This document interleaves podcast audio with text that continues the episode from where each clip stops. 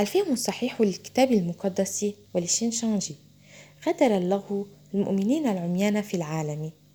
لقد مضى حوالي ستة آلاف عام منذ أن ترك الله خالق السماء والأرض العالم. طوال هذه الستة آلاف سنة يعمل الله على تخليص البشرية من الخطيئة.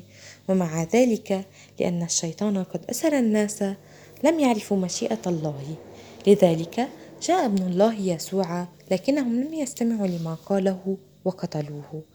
إن إتمام إعلان العهد الجديد هو عمل الله الأخير ويحدث في وقت مجيء يسوع الثاني.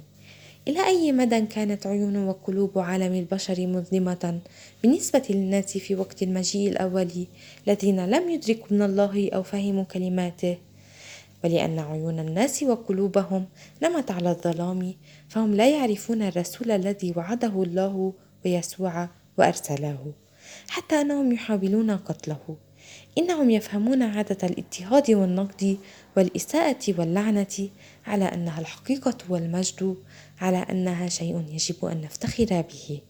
العالم في حالة من الفوضى وقت إتمام رؤيا العهد الجديد هو الوقت الذي تزول فيه السماء الأولى والأرض الأولى.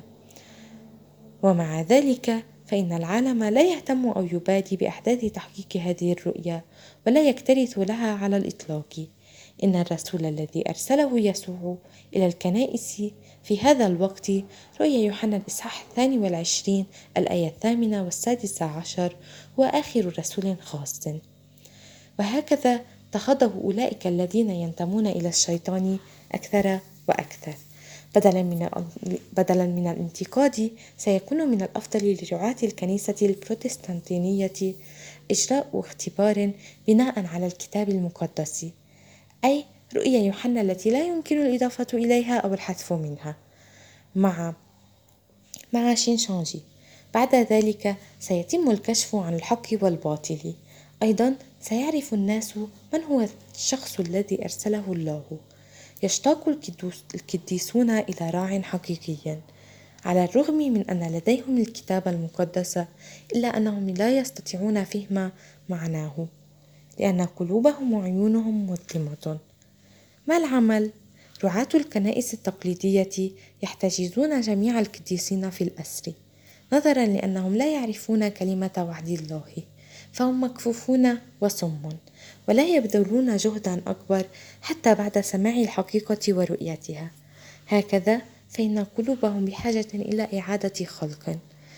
مثل أن يقال في رؤيا يوحنا الإصحاح السابع عشر والثامن عشر للشر سيطرة عليهم في هذا الوقت يجب على المرء أن يتغلب بالحق بكلمة الشهادة رؤيا يوحنا الإصحاح الثاني عشر الآية الحادية عشر. إذا أراد أن ينال ملكوت السماوات والحياة الأبدية. لهذا قال يسوع تغلب تغلب تغلب. رؤيا يوحنا الإصحاح الثاني والثالث. لقد تغلبت شينشانجي على العالم بحقيقة الشهادة. ليست من مشيئة الله أن يجهل المرء معنى رؤيا يوحنا في العهد الجديد. رؤيا يوحنا الإصحاح الثاني والعشرين الآية الثامنة عشر. والتاسعة عشر. يريد الله أن يفهم الجميع أيا كان وأن يخلصوا الوعود الواردة في سفر رؤيا يوحنا هي القتال والتغلب على العدو. رؤيا يوحنا الإصحاح الثاني عشر.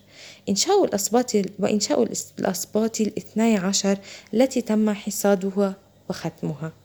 هل تصدق هذا وهل تصرفت به؟ تؤمن شين شانجي بذلك وقد عملت على أساسه. آمين.